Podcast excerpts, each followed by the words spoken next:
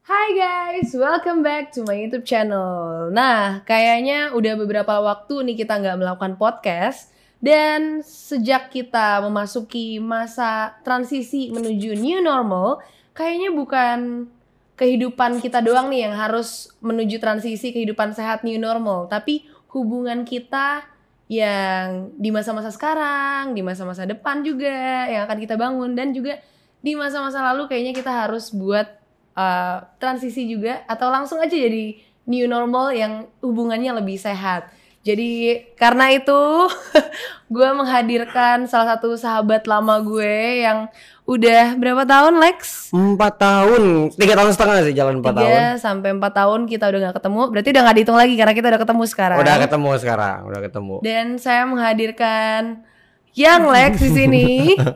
Nama panjang lu siapa sih Alexander? Samuel Alexander. Samuel Alexander ya lo gue sampai lupa. Papi Lex gue panggilnya dulu. Gue panggil lu Hmm. Papi Lex juga sekarang ya. Sampai sekarang masih nyangkut itu ada sedikit-sedikit follower manggilnya Papi Lex masih ada. Iya, dan Gara-gara sekarang udah berarti beneran jadi papi dong. Udah beneran jadi bokap-bokap. Iya. Bokap-bokap. Om-om Bokap nih. By the way, congratulations dulu Thank you, buat Karin. Thank you. Lex, buat Papi Lex Hmm. udah karena udah menjadi ayah nih sekarang.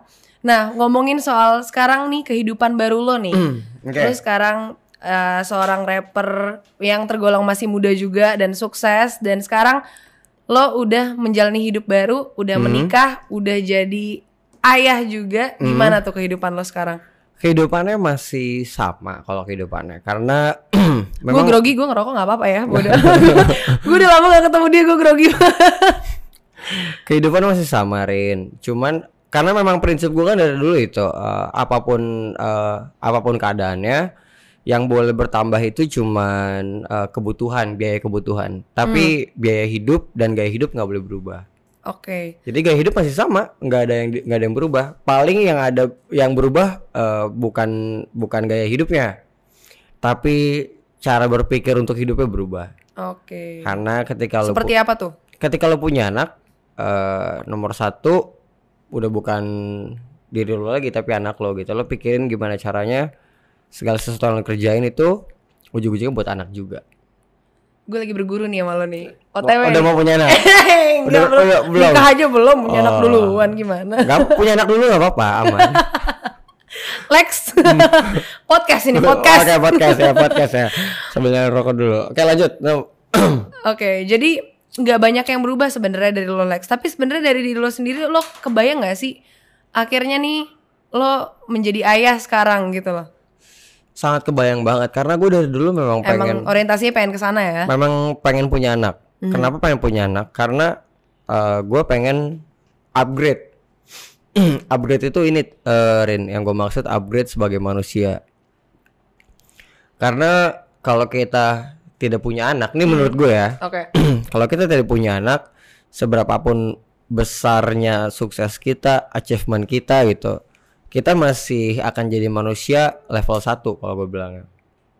Kenapa level 1? Karena lo masih hidup buat diri lo sendiri. Nah, ketika lo punya anak, lo baru upgrade menuju ke level 2. Jadi tolak ukurnya bukan achievement, bukan kekayaan, bukan kesuksesan, tapi tolak ukurnya pas lo mau upgrade ketika di level lo punya anak, berarti itu udah level 2 menurut gue. Kalau punya istri level berapa tuh berarti tuh? Satu Punya- setengah. Eh, satu setengah benar satu setengah. Kalau punya istri belum punya anak satu setengah. Kalau level 2 nya udah punya anak. Karena ketika lo punya anak kalau lo tahu dan bener konsep cinta kasih sayang segala macemnya punya anak itu different level lah pokoknya. Jadi bener-bener yang lo pikirin tuh ah nanti anak gue bakal jadi apa nanti. Jadi semuanya tentang anak deh. Lo harus gue tahu nih si Karin orangnya penyayang banget dia punya banyak binatang juga. Dan kalau memang misalnya lo punya anak pasti gue udah kebayang sih lo bakal jadi ibu yang kayak gimana. No, lu jangan bikin gue nangis kedua kalinya dong. gue udah kebayang lo harus maksudnya lo harus cobain eh, rasanya. Karena rasa itu kan nggak bisa dikasih tahu orang. Gue kasih tahu rasanya sprite lo harus cobain baru tahu rasanya. Nah lo harus tahu rasanya punya anak tuh enak banget. Jadinya hidup lo itu eh, punya arti lah karena kalau kita ngomongin gelas nih misalnya Karin gelasnya itu udah penuh jadi cinta sama kasih sayang udah penuh. Tapi kalau lu punya anak itu nanti akan bisa habis lagi taruh ke anak lo. Lu bayangin Rin gue tuh kayak jam misalnya gue naik ke atas nih jam Hmm. jam jamnya gue jaga anak gue jam 12 malam sampai pagi gue bawa PS gue ke atas itu waktu proses gue mindahin si Jenap si kecil gue mindahin si Izzy ke kamar. Itu gue bisa limba- 15 menit sampai 20 menit cuma liatin mukanya doang. Mhm. liatin mukanya doang sambil cium-ciumin doang. Itu priceless banget nggak bisa dibayar. Dan itu rasanya oh kayak gini rasanya ya. Dan lu mesti cobain deh. Beda banget eh, jadi kayak eh, pola pikir lo sudut pandang lo tujuan hidup lo akan berbeda. Lebih priceless daripada menang FIFA atau NBA ya. jauh jauh dari mau award apa kayak AMI kayak segala macem punya anak buat gue is different level another level apa kan Oke, ini obrolan kita terlalu serius banget ya Kalau di serius awal. ya, emang Iya. harus serius banget harus serius banget Oke, jangan serius-serius dulu nih. Pertama, Hmm. gue pengen nanya nih, kenapa sih kita over 3 sampai 4 years ini kita nggak ngobrol Lex? Sebenarnya apa sih masalah di antara kita berdua nih? Itu sih pertanyaan gue juga.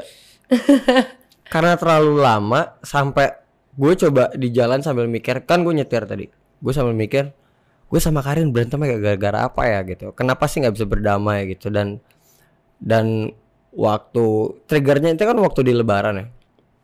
Waktu di Lebaran gue lagi ngeliat ke konten Karin terus terus gue ngeliat eh, waktu itu gue pulang ke Cibubur dan pas ke Cibubur gue inget wah Karin rumah di Cibubur dan dan gue ngerasa harus ada rekonsiliasi sih karena ujung-ujungnya juga dunia entertainment segala macam akan akan dekat gitu Hmm.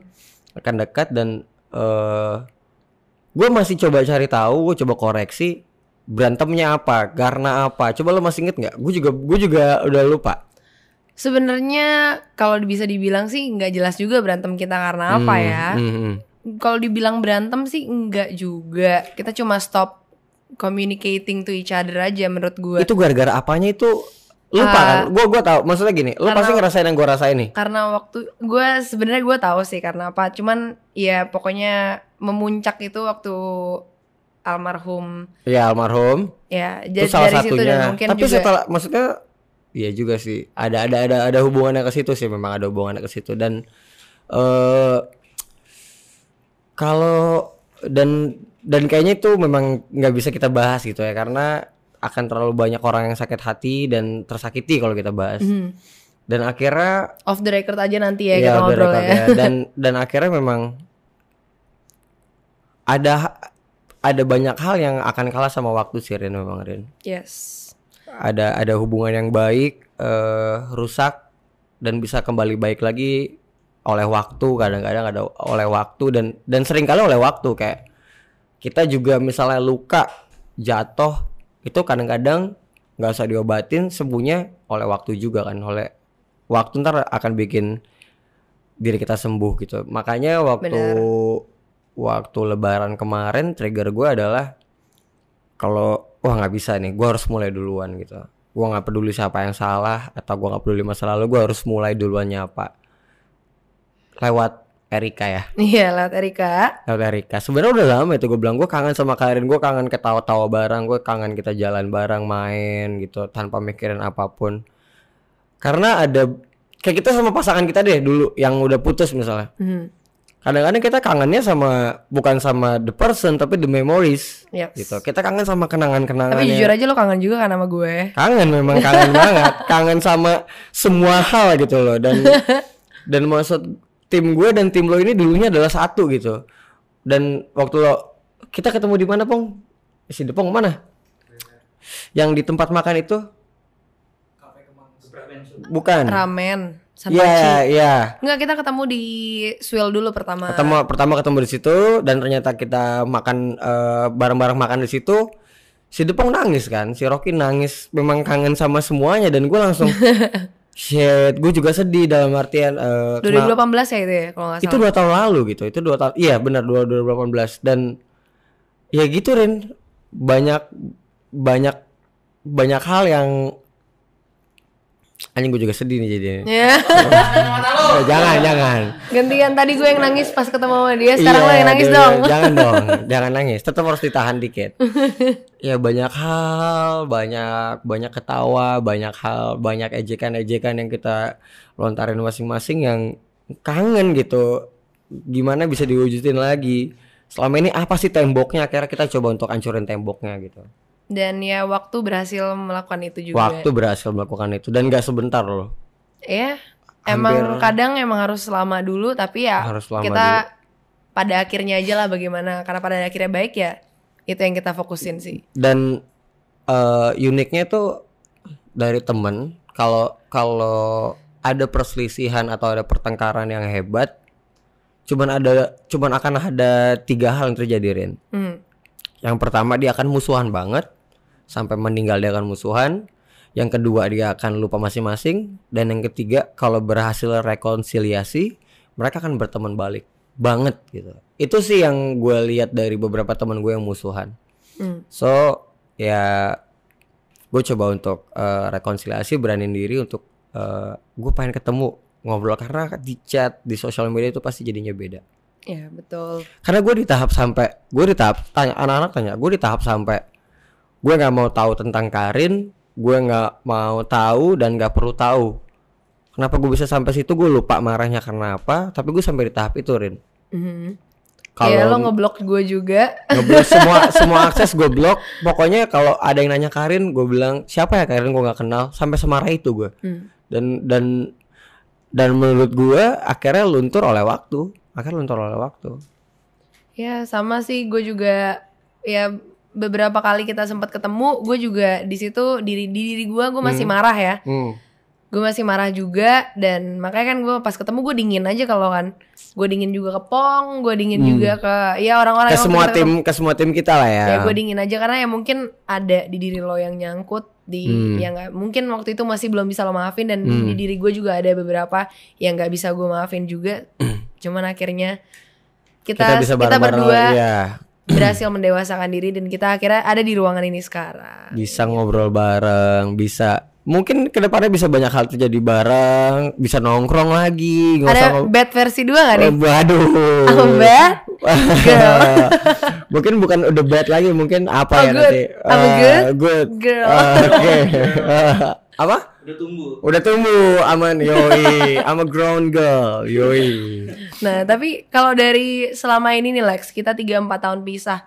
Lu sempet gak sih kayak Asih tiga empat tahun pisah, oke. lu sempet gak sih kayak masih mencoba nyari tahu gue nih Karen tuh gimana sih sekarang kayak gitu loh.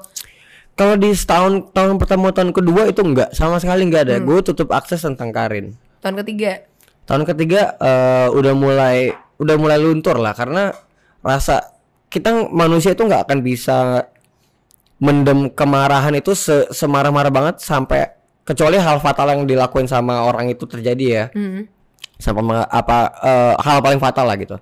Dan di tahun ketiga udah mulai udah mulai luntur sebenarnya ketika tahun ketiga tahu waktu Karin eh naik beritanya jadi yang waktu demo di Senayan. Mhm. Gue mulai mencoba nyari tahu Karin lagi gitu. Di tahun ketiga nih berarti. Tahun ketiga berarti itu kan 2018 2019 kalau nggak salah itu ya. Jadi ya ya balik lagi di topik kita awal ya ujung-ujungnya waktu juga Rin waktu yang akan yang akan bikin semuanya ngelebur semua itu waktu gitu. Gue juga waktu awal-awal ngepoin lu itu pas eh, akhirnya lu nikah. Kasih Oh, sta- ya, kasih Yang statement sekarang ya. udah nikah nih akhirnya. Itu ya Alhamdulillah. awalnya awalnya. Alhamdulillah akhirnya nemuin pasangan hidupnya yang selama ini susah banget dia coba cari nih nggak ada yang pas akhirnya ada nih yang pas buat dia dan terus juga pas lo punya anak juga oh Hmm. yang Lex punya anak gitu Berarti eh, triggernya di situ ya kalau di Karin Iya. ya. Waktu gue umumin gue udah nikah ya. Mhm. gitu sih kalau dari gue Oke. dan eh ini kan tadi tadi nih beberapa ini karena kita lagi coba untuk eh, ngobrol-ngobrol eh, nostalgia lah di awal. Kan gue udah menurut gue gue udah cukup nih nanya awal-awal nih. Coba kira-kira lu mau podcastin gue balik nggak? Beberapa Oke. pertanyaan. Gue punya pertanyaan yang gue simpan ya. Hmm, podcast balik ke gue. Oke. apa tadi perasaan lo waktu pertama kali ketemu gue?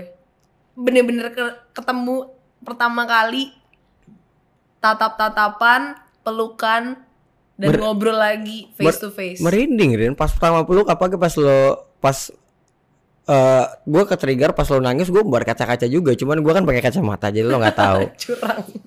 Tetap harus kita sembunyiin. Sedih lah Rin dalam artian gimana ya kita dulu bisa sedekat itu ke Bali bareng. Wah ketawa-ketawa bareng ngelakuin hal-hal bego bareng. Begitu begitu ketemu tadi itu kan kayak kayak kayak gerbang yang mungkin hal-hal lain di ke depannya bakal akan terjadi gitu loh. Kayak mungkin next Rin datang lo ke ulang tahun anak gue atau segala macem. Itu jadi bisa terjadi dan itu Yes. dan itu langsung muter di kepala gue dan dan ada banyak hal yang anjing dulu dulu dulu bisa sedekat itu sekarang bisa sejauh ini. Itu kayak kayak kayak akhirnya ada rantai yang putus gitu Rin. Kayak gimana ya?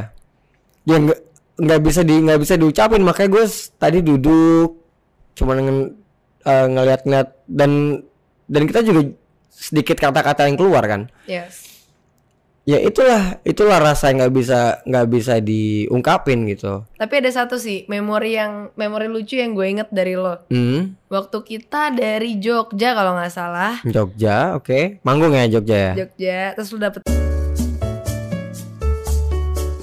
dua tahun tiga tahun lalu ya gila Ya, itu, nih sih, orang. itu sih bercanda-bercanda tongkrongan kan. Iya. Gue kasih liat, gue kasih liat Raden di pesawat ya, barang Ambon. Barang Ambon, Con lu inget kan? lupa juga kayaknya Udah gak usah lupa, dia udah gak usah lupa dia. Raden takut apa seneng?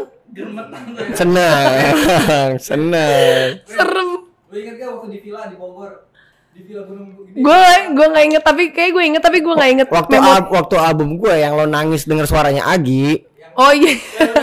gue kayak nangis mulu deh. Apa sih? dia denger denger Agi denger Agi nyanyi nangis lo bayangin gak? Agi nih, Agi baru baru punya anak loh. Baru punya anak sih Agi. Baru nih sekarang. eh sebulan dua bulan lalu kayaknya baru punya anak Oh, dia. congratulations Agi. Afrogi kalau nonton inget nih, ini Karin dulu nangis dengar suara lu. nih. Nyanyi lagu Bruno Mars kalau nggak salah. Iya, suara Ingat dia kan? emang bagus banget sih. Itu orang tahu. Si Agi nangis. Eh si Agi si Karin nangis. Oke apa apa lagi apa lagi Din? apa lagi nih Rin? Ah, Gue penasaran sih, selama kita 3-4 tahun ini udah nggak ketemu, nggak ngobrol, dan nggak saling stok-stokan juga. Gue pengen tahu nih, sebenarnya dari kemarin nih, selama kita nggak ketemu, apa aja sih fokus lu? Selain ke keluarga ya, kalau di eh, bisnis. Kalau di bisnis gue fokus pengen ke belakang Rin, pengen pengen fokus ke 100 dalam artian 10 tahun gue udah ngebangun siang Lex. Kalau menurut gue untuk hip hop itu udah mentok. Eh gue udah udah achievement termentok dalam artian segala macamnya lah, pencapaian dan lain-lain. Dan kalau ngomongin soal bisnis siang Lex itu jalannya udah cukup dalam artian gini gue nggak bisa dapat brand sebanyak orang lain karena gue tatoan satu. Kedua eh gue eh, agama gue bukan agama mayoritas so gue nggak akan bisa sebesar yang lain. Dan gue sadar diri secara secara bisnis gue harus fokus ke belakang. Gue harus fokus gedein eh, 100 ke belakang. Ya itu fokus gue 10 tahun ke depan gue akan ke belakang. Kalau ditanya Ke belakang tuh maksudnya gimana tuh? Jadi orang belakang Oh, gue nggak akan di depan lagi gitu. Di Oh. depan cuman sedikit sedikit aja lah. Lebih ke bisnisnya lah ya sekarang. lebih ke bisnisnya dan kalau ditanya fokus bisnisnya apa di entertainment. Karena Hmm. di entertainment ini gue udah mm, eh, gue tenaga ahlinya gitu. Kalau misalnya kita bikin baju gitu gue punya persona gue bikin baju kan gue nggak mungkin belajar jahit. Tapi kalau di entertainment gue bisa bikin lagu gue bisa bikin video klipnya gue bisa segala macamnya. Dan dan pelajaran-pelajaran di masa lalu di takis di takis kan gue nggak nggak nggak sepenuhnya running Hmm. gue gue nggak terlalu banyak running Lebih dan fokus ke diri dulu waktu Iya itu waktu ya. itu di eh, fokus ke yang Lex dulu dan di 100 gua untuk ke depannya gua akan fokus ke 100 banget kayak gitu. Jadi eh kurang lebih banyak banyak hal lah yang Karin alamin nggak pengen terjadi dulu di Takis itu nggak akan terjadi lagi Hmm. Di 100 gitu. Yang yang sudah terjadi dulu sorry yang sudah terjadi di Takis tidak akan terjadi lagi di talent-talent 100 kayak gitu. Semoga ya ke depannya. Amin. Amin banget harusnya. Dan kalau ngomongin soal 100 entertainment atau 100 manajemen nih, eh sebenarnya goals lu apa aja sih untuk 100 ini? goals gue 100 entertainment akan jadi label nomor satu di Indonesia dan akan jadi talent eh, entertainment nomor satu di Indonesia. Untuk sampai ke sana, gue tahu akan berdarah-berdarah sekali dan perjalanannya akan panjang 5 sampai 10 tahun ke depan.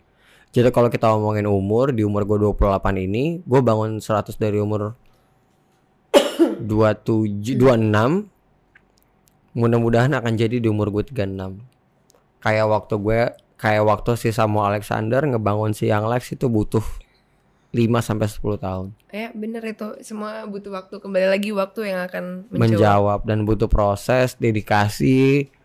Gue tahu dedikasi eh, gue tahu dedikasi Karin juga tinggi soal dunia para influenceran dunia Instagram. Karin tulis. Gue waktu ketemu Karin di awal tuh gue ngomong sama papi gue kayak ngeliat gue versi cewek. Oke.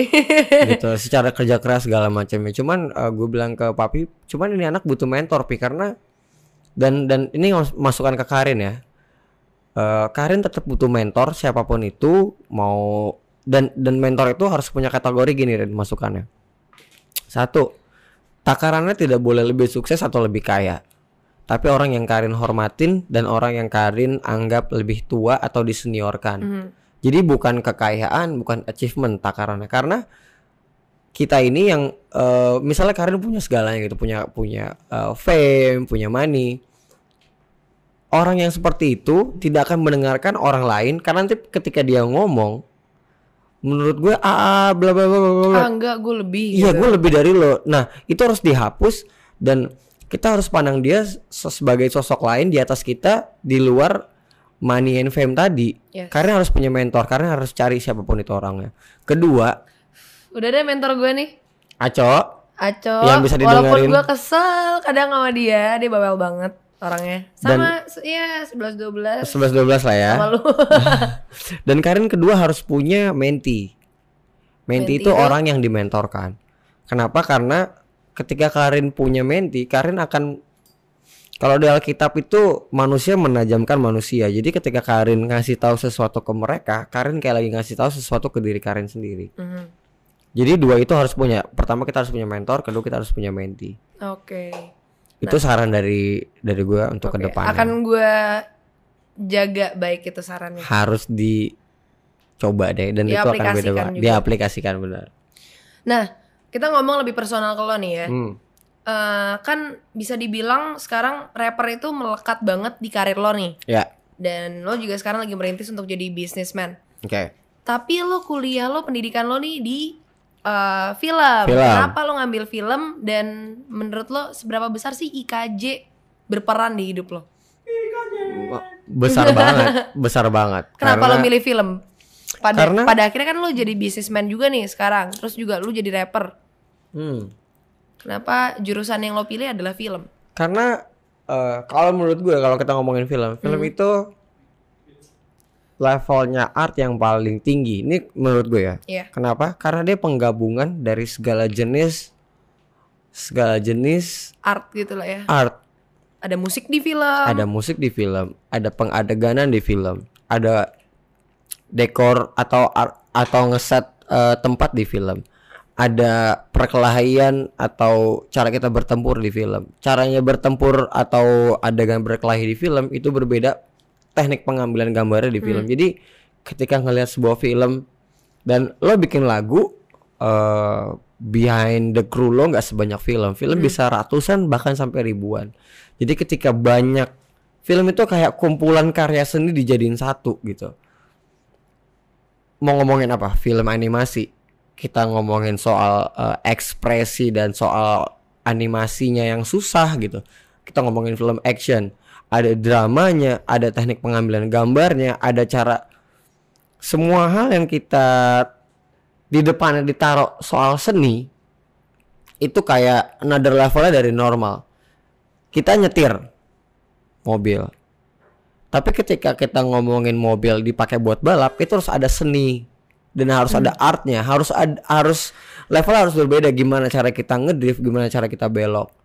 Kita ngomongin apalagi semuanya kalau di depan ditaruh seninya jadi hal yang berbeda gitu Ya. kita ngomongin ngambil gambar ya udah ngambil gambar polos gitu tapi kalau kita ditaruh di depannya ada seninya udah mulai ribet ada bukaan kameranya ada cara pengambilan gambarnya Angle. ada teknik angle jadi semua yang ngomongin soal dan menurut gua film itu kumpulan dari semuanya Dan lo pengen belajar. Sebenarnya lo pengen belajar semuanya. Cuman ya bisa dibilang kan waktu kita sebagai manusia tuh nggak banyak. Jadi- bener bener banget dan dan kalau ditanya kenapa film dan kenapa director kalau menurut gue director itu sutradara itu levelnya harus kayak Tuhan Hmm. yang tahu Level ten- lu udah Tuhan, Cok. harus kayak Tuhan yang harus tahu segalanya Rin lo mau bikin film tentang kejadian 98 Hmm. gitu Eh, lo harus tahu 98 itu dulu apa aja sih yang terkenal lagunya kalendernya dan lo harus riset. Runtutan ceritanya juga. lo pengen bikin film tentang seorang petani yang eh, berhasil kuliah sukses anaknya. Berarti pas lo lagi mau bikin film lo harus riset caranya nyangkul kayak gimana sih. Jadi lo harus tahu semuanya. Makanya Yes. gue pengen kuliah di perfilman gue pengen tahu apa sih eh, dapurnya dari film itu gitu. Jadi bisa dibilang film ini berpengaruh besar ya di hidup lo dan IKJ juga. banyak berpengaruh besarin banyak keputusan banyak pola pikir yang yang gue ambil karena gue nonton film Hmm. jadi tolak ukurnya ketika lo nonton sebuah film setelah lo nonton film itu ada keputusan atau ada pola pikir baru yang lo ambil gara-gara nonton film itu sepengaruh itu film Tapi akhirnya lo nyelesain nggak di IKJ? nggak selesai Kan kenapa tuh? karena menurut Untuk gue caught up in a moment atau enggak karena menurut gue untuk ngomongin soal kesenian nggak perlu ijazah beda kalau lo kedokteran tapi banyak yang lo dapat ya dari IKJ. banyak banget yang nggak bisa didapat kecuali gue di IKJ Oke. ada teman-teman ada link ada banyak hal yang gue nggak bisa dapat kalau gue nggak di IKJ tapi untuk para seniman menurut gue nggak perlu lulus karena ijazah seniman itu ya karya bukan kertas Oke.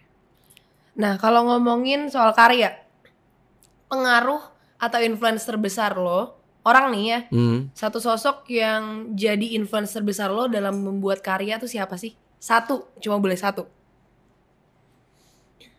diri gue sendiri Oke, kenapa tuh? Ya karena karya gue terpengaruh sama keadaan hati dan keadaan cara gue berpikir.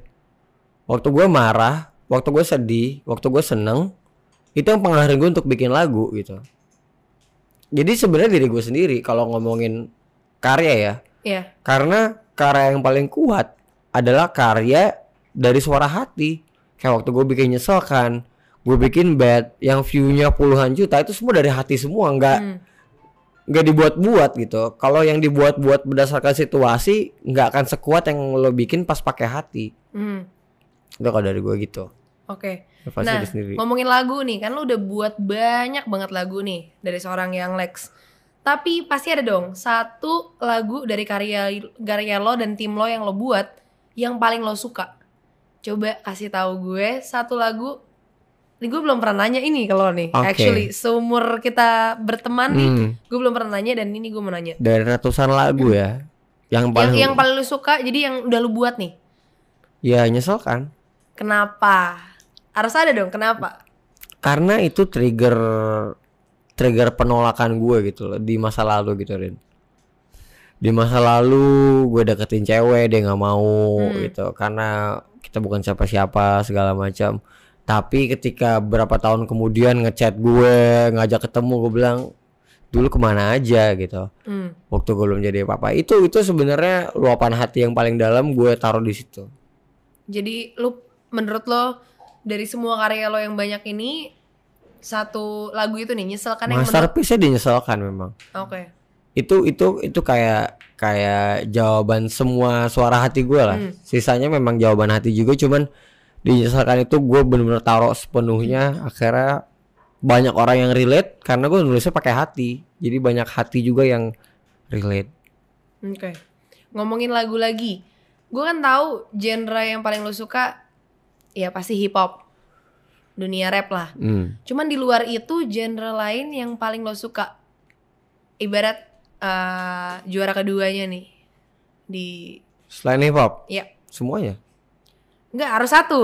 Genre apa? Gak bisa Rin. Karena eh, menurut gue musik is music. Mau apa pun genrenya gue nggak peduli. Gue suka gue suka Nela Karisma Konco Mesra. Ya suka gitu.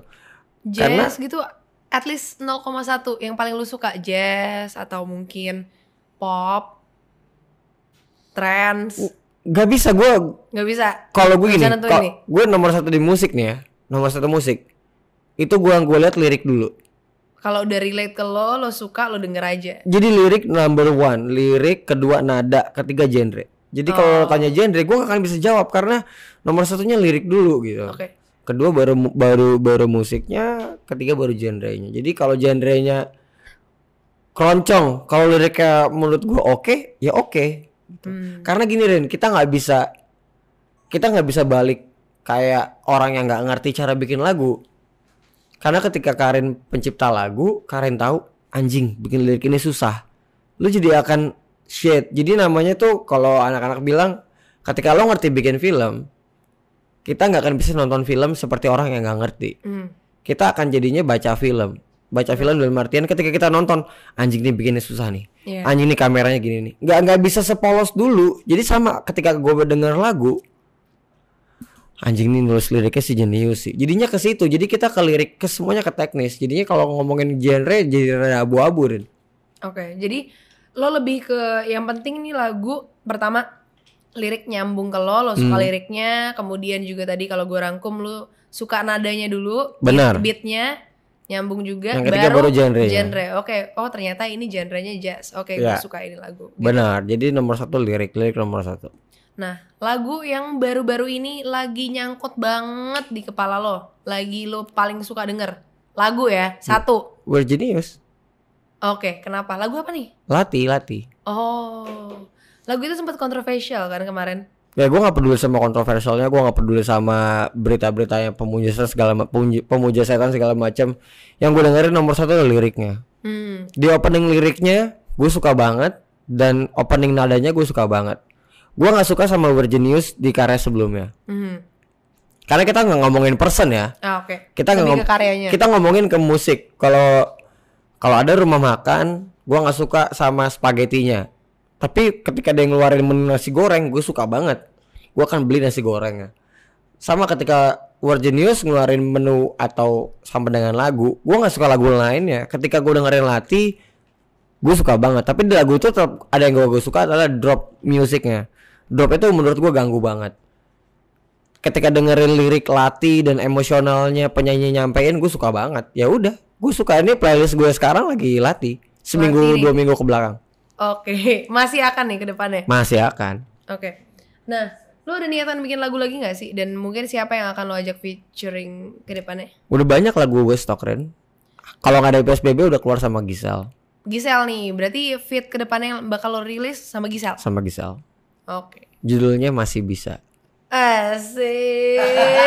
masih bisa itu cerita tentang sedikit lah ya ceritanya. Boleh dong, masih boleh. bisa itu tentang kayak eh, si pasangan ada dua kan pasangan. Satu ngomong masih bisa. Yang kedua udah nggak bisa. Hmm. Masih bisa sayang. Kali ini saja sayang. Jadi kayak ngajak ayo masih bisa diterusin. Tapi yang satu udah nggak bisa please udah stop gitu Oh, jadi dari dua sisi nih. Dari dua sisi Hmm, Oke. Hampir kita tiga bulan nih di rumah aja. Selain mungkin lo ngulik-ngulik lagu, bikin-bikin lagu, apa aja sih yang lo lakuin? Main game Main game, ngurus Hmm. anak, Ngurus anak Ngurus anak sambil main game iya. Sama ngumpulin ide-ide yang harus dieksekusi Dan kita harus adaptasi Hal apa sih yang bisa kita lakuin Sampai semuanya ini back to normal Yang sementara back to normal itu menurut gue masih lama Kayaknya akan sampai Mei 2021 deh. Bisa jadi. Back to normal ya, bukan new normal ya. bukan new normal back to normalnya. Kalau gua akan sakit hati sih sama keadaan. Kalau nggak akan kita nggak akan bisa kayak dulu lagi kayak nggak ada konser musik lagi. Gila bete banget main dunia tanpa musik tuh bete banget. Iya pasti nggak dan akan bisa nonton live music lagi iya pasti ini agak hard juga buat kalian para musisi kan. Biasanya kalian juga meluapkan eh ya art kalian juga semua. ya karena kalau kalau kalau kita konser, keluarin kan. kita keluarin lagu booming Hmm. terus kalau nggak ada panggungannya tuh ada yang kurang ya. ada yang kurang karena sampai sekarang tuh masih lo bikin lagu di rumah nulis dan ketika lagu lo itu sekuat itu dinyanyiin banyak orang itu priceless banget Rin lo dengerin ribuan orang denger lagu yang lo tulis dan mereka hafal itu nggak bisa dibayar dengan apa pun. So kalau itunya nggak ada itu adalah jiwanya. Musisi kehilangan jiwanya. Musisi jiwanya adalah di panggungannya.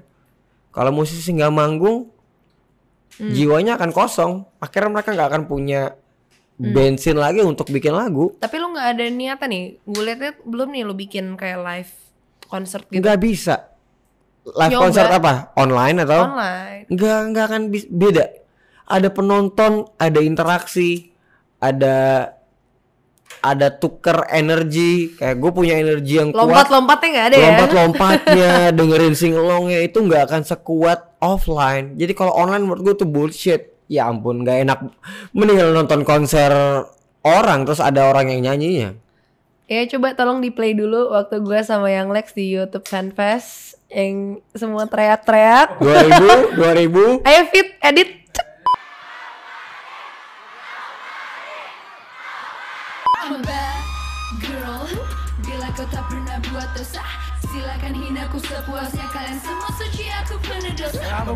Kak au Karin itu itu pasti the best moment It- dan dan itu cuma bisa kita rasain dalam waktu Iya, hitungan iya. menit Rin bayangin nggak Dan inget juga nggak yang di Bekasi? Eh di gua- PRJ di di Bekasi, Bekasi yang wah itu parah banget sih. yang di Berapa atas ribu ya? rooftop wah itu sepuluh ribu lebih Berapa kayak ribu? Revo Revo ya Lima ribu ribu lebih itu lima ribu lebih itu dan Coba-coba di play lagi.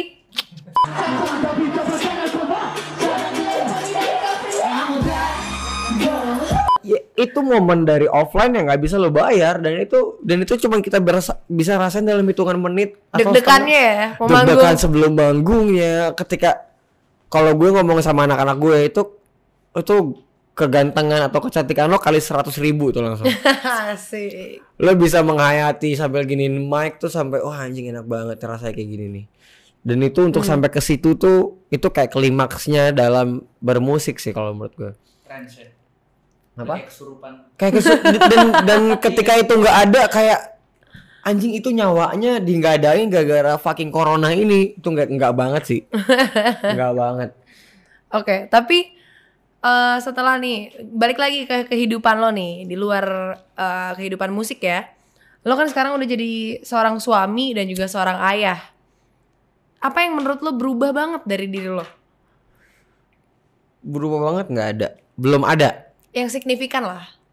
ya kalau signifikan secara internal itu cuma cara berpikir Cara berpikir. Oh, Coba kalau kalau kalau kalau kalau secara gue nih gue ngerokok kalau gue waktu naik ke atas cuci tangannya lebih ribet ganti baju karena gue nggak mau iya itu itu itu udah Oh. Jadi lumayan sang bayi lagi sang bayi emang ditaruh di atas nih ditaruh di di lantai atas lantai dua. lantai tiga Oh, gue di, tiga. gue di lantai dua Hmm. and then ketika gue naik ke atas gue harus bersih banget Hmm.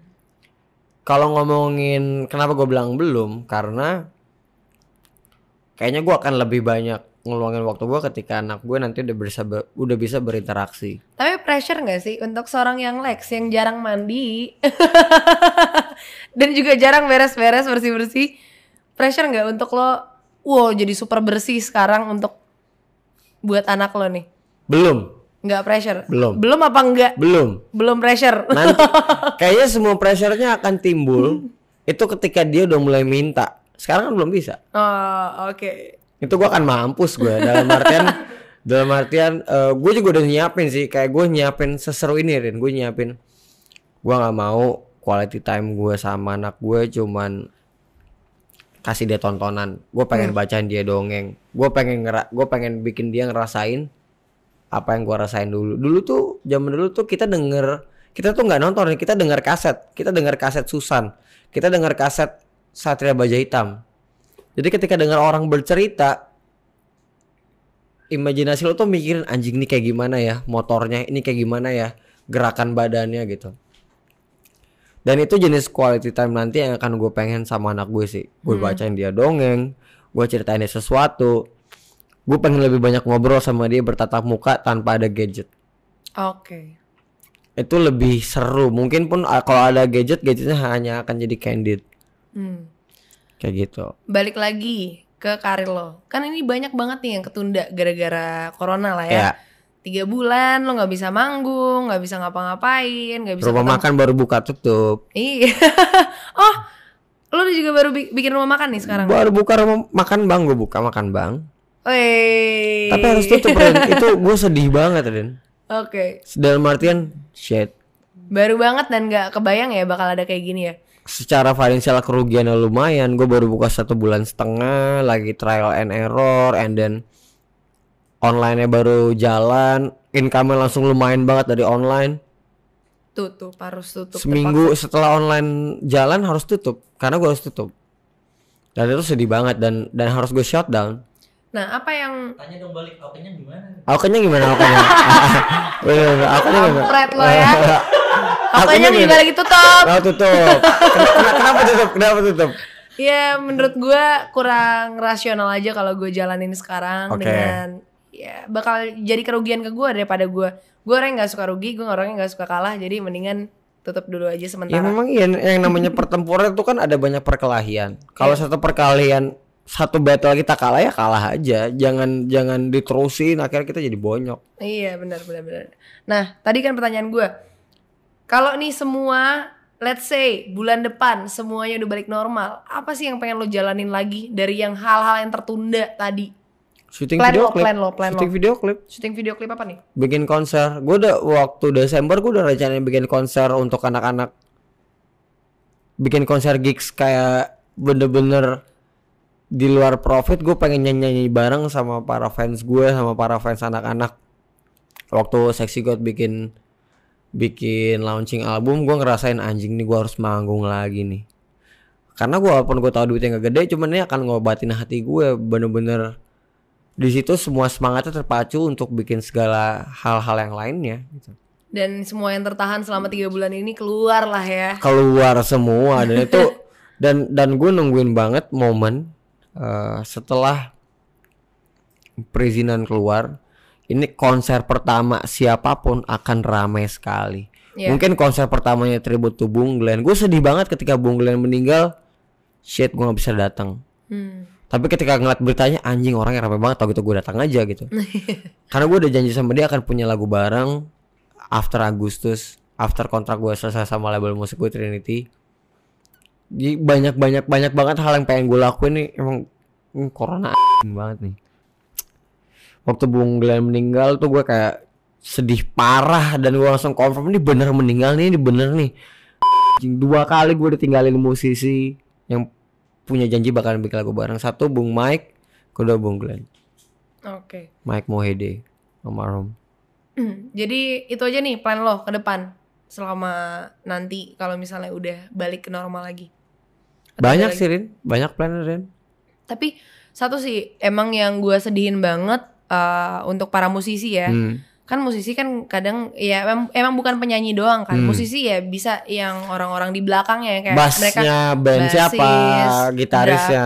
drummernya, gitarisnya, semua muanya itu kan jadi ikut terdampak juga gara-gara COVID-19 ini. Dan malah oke lah kalau musisinya mereka masih bisa melakukan uh, virtual live. iya cuman gitu loh. kru krunya yang gue sedih banget uh, gue sempat dengar juga ya beberapa berita dari teman-teman gue yang emang mereka basis juga Hmm. drummer juga ya gimana gue kalau nih orang gak manggung ya gue emang gak dapat penghasilan sama sekali karena ya gue pengiringnya gitu loh karena kan mereka dapat penghasilan ketika mereka harus manggung, iya. gitu kan pekerjaan utamanya mereka lah ya iya itu Dan gue iya, sedih sih banyak untuk- banget dari musisi yang mungkin gue masih punya pendapatan lain dari luar musik gitu. Tapi musisi yang andalin pendapatan dari manggung yes. itu kusut banget. Untuk Dan- sekarang ya. sampai sampai nggak tahu kapan. Yap. kalau kita ngomongin misalnya besok tahu-tahu corona nggak ada. Besok tahu-tahu corona hilang secara ajaib. Itu untuk izinnya keluar tuh kayak butuh tiga bulan sampai enam bulan gitu. Itu pun kalau besok Hmm. sekarang kita nggak tahu coronanya kapan selesai jadi nasib musisi yang paling hancur yang paling hancur dihajar corona ini adalah entertainment Hmm. DJ DJ pada selesai Hmm. nggak ada lagi live music jadi memang ada ada hid- ada satu hal yang dari hidup kita tuh diambil dan hilangnya hilang aja gitu Tapi untuk lo sendiri nih sebagai musisi profesional, lu ada nggak sih kepikiran untuk membuat sesuatu yang baru untuk new normal ini untuk membantu para musisi yang bergantung pada panggungan? Udah kepikiran belum? Atau mungkin lo pengen bikin sesuatu gitu untuk membantu mereka semua? gak akan bisa sih Rin Menurut lo nggak akan bisa? caranya ngebantu mereka adalah dengan cara ini gue kasih tahu ke mereka semua lo semua harus adaptasi lo harus pakai semua skill lo untuk dapetin uang atau monetize dari dunia digital. Karena memang hukumnya adaptasi kalau lo nggak beradaptasi lo akan meninggal lo akan mati lo akan punah. Jadi saran cara gua ngebantu cuma kasih saran itu. Karena kalau lo masih bersikeras pakai idealis lo dan skill lo untuk menghasilkan uang dengan cara yang dulu dengan keadaan sekarang lo akan mati. Karena kemarin gua ngobrol sama temen gua fotografer jual kamera A7 Sony-nya Sayang Buat- banget ya.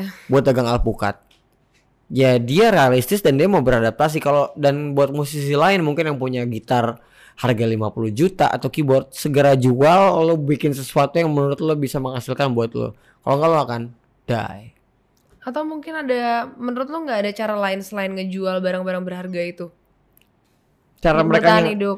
cara mereka ngasih duit kan pakai skill ketika skill mereka tidak dibutuhkan lagi karena tidak ada acaranya mereka harus ngapain Men- kalau menurut gue ya, hmm. kalau menurut gue sih mereka harus memanfaatkan eh, sosial media sekarang. Karena sosial media emang sekarang lagi dibutuhkan sama semua orang, sama semua individu. berarti konten kan konten Bisa butuh konten. hiburan kan Yes, bisa mereka dengan mereka talent mereka pasti mereka bisa bikin sesuatu menurut gue.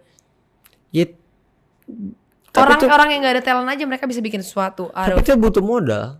Dan gak semuanya bu gini. Kalau kita ngomongin soal masalah,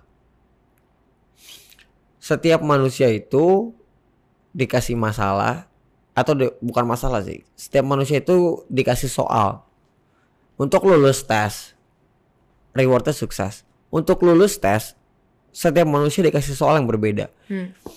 Gue nggak akan bisa eh, ngerjain soal yang dibuat Tuhan sesuai untuk Karin.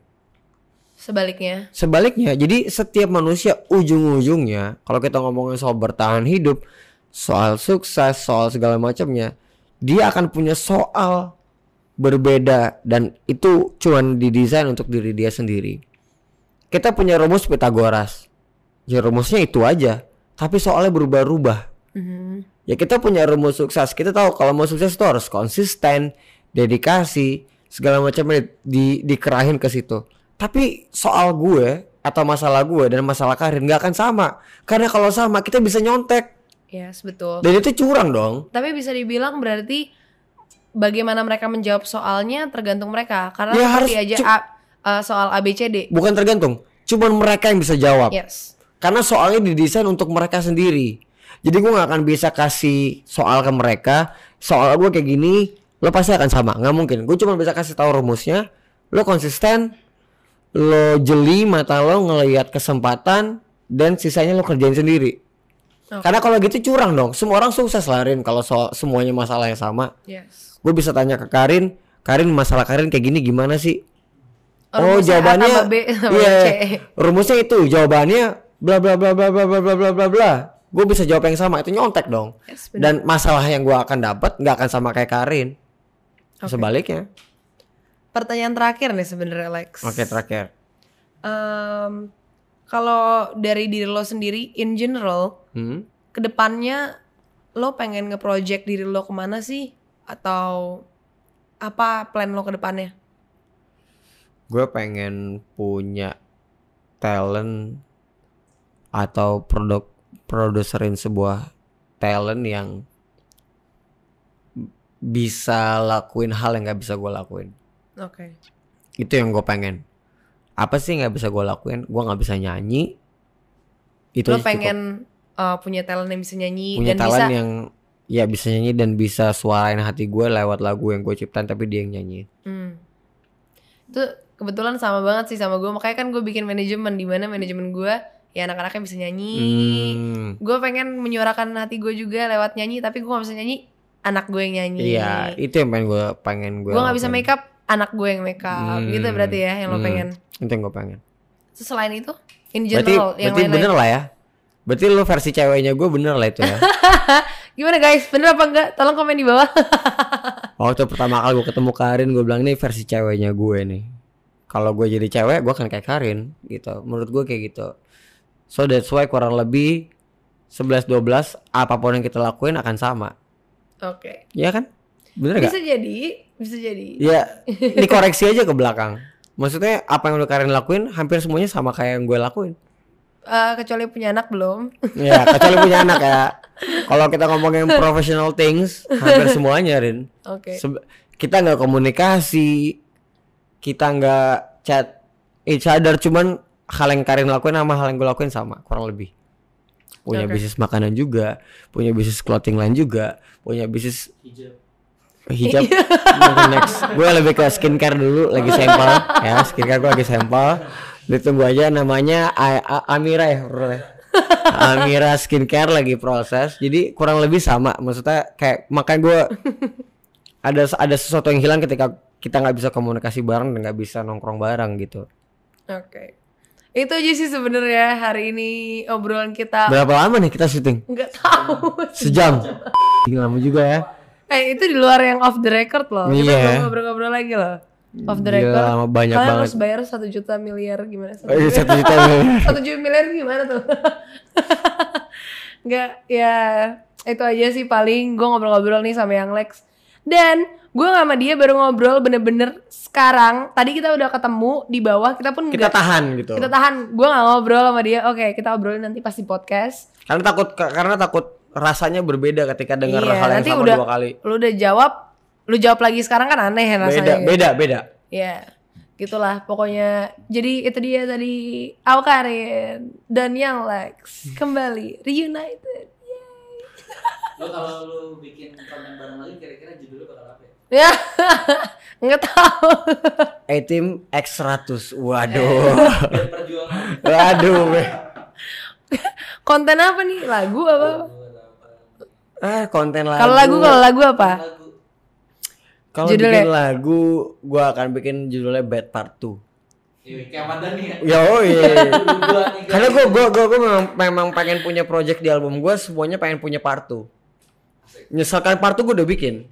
Oh. Nanti gua kasih dengar. Nyeselkan Belum part ya, tapi 2. belum di di belum rilis. Hmm. Nyeselkan part 2 lagunya sekitar setahun lalu. Nyeselkan part 2 gua pengen bikin semuanya part 2.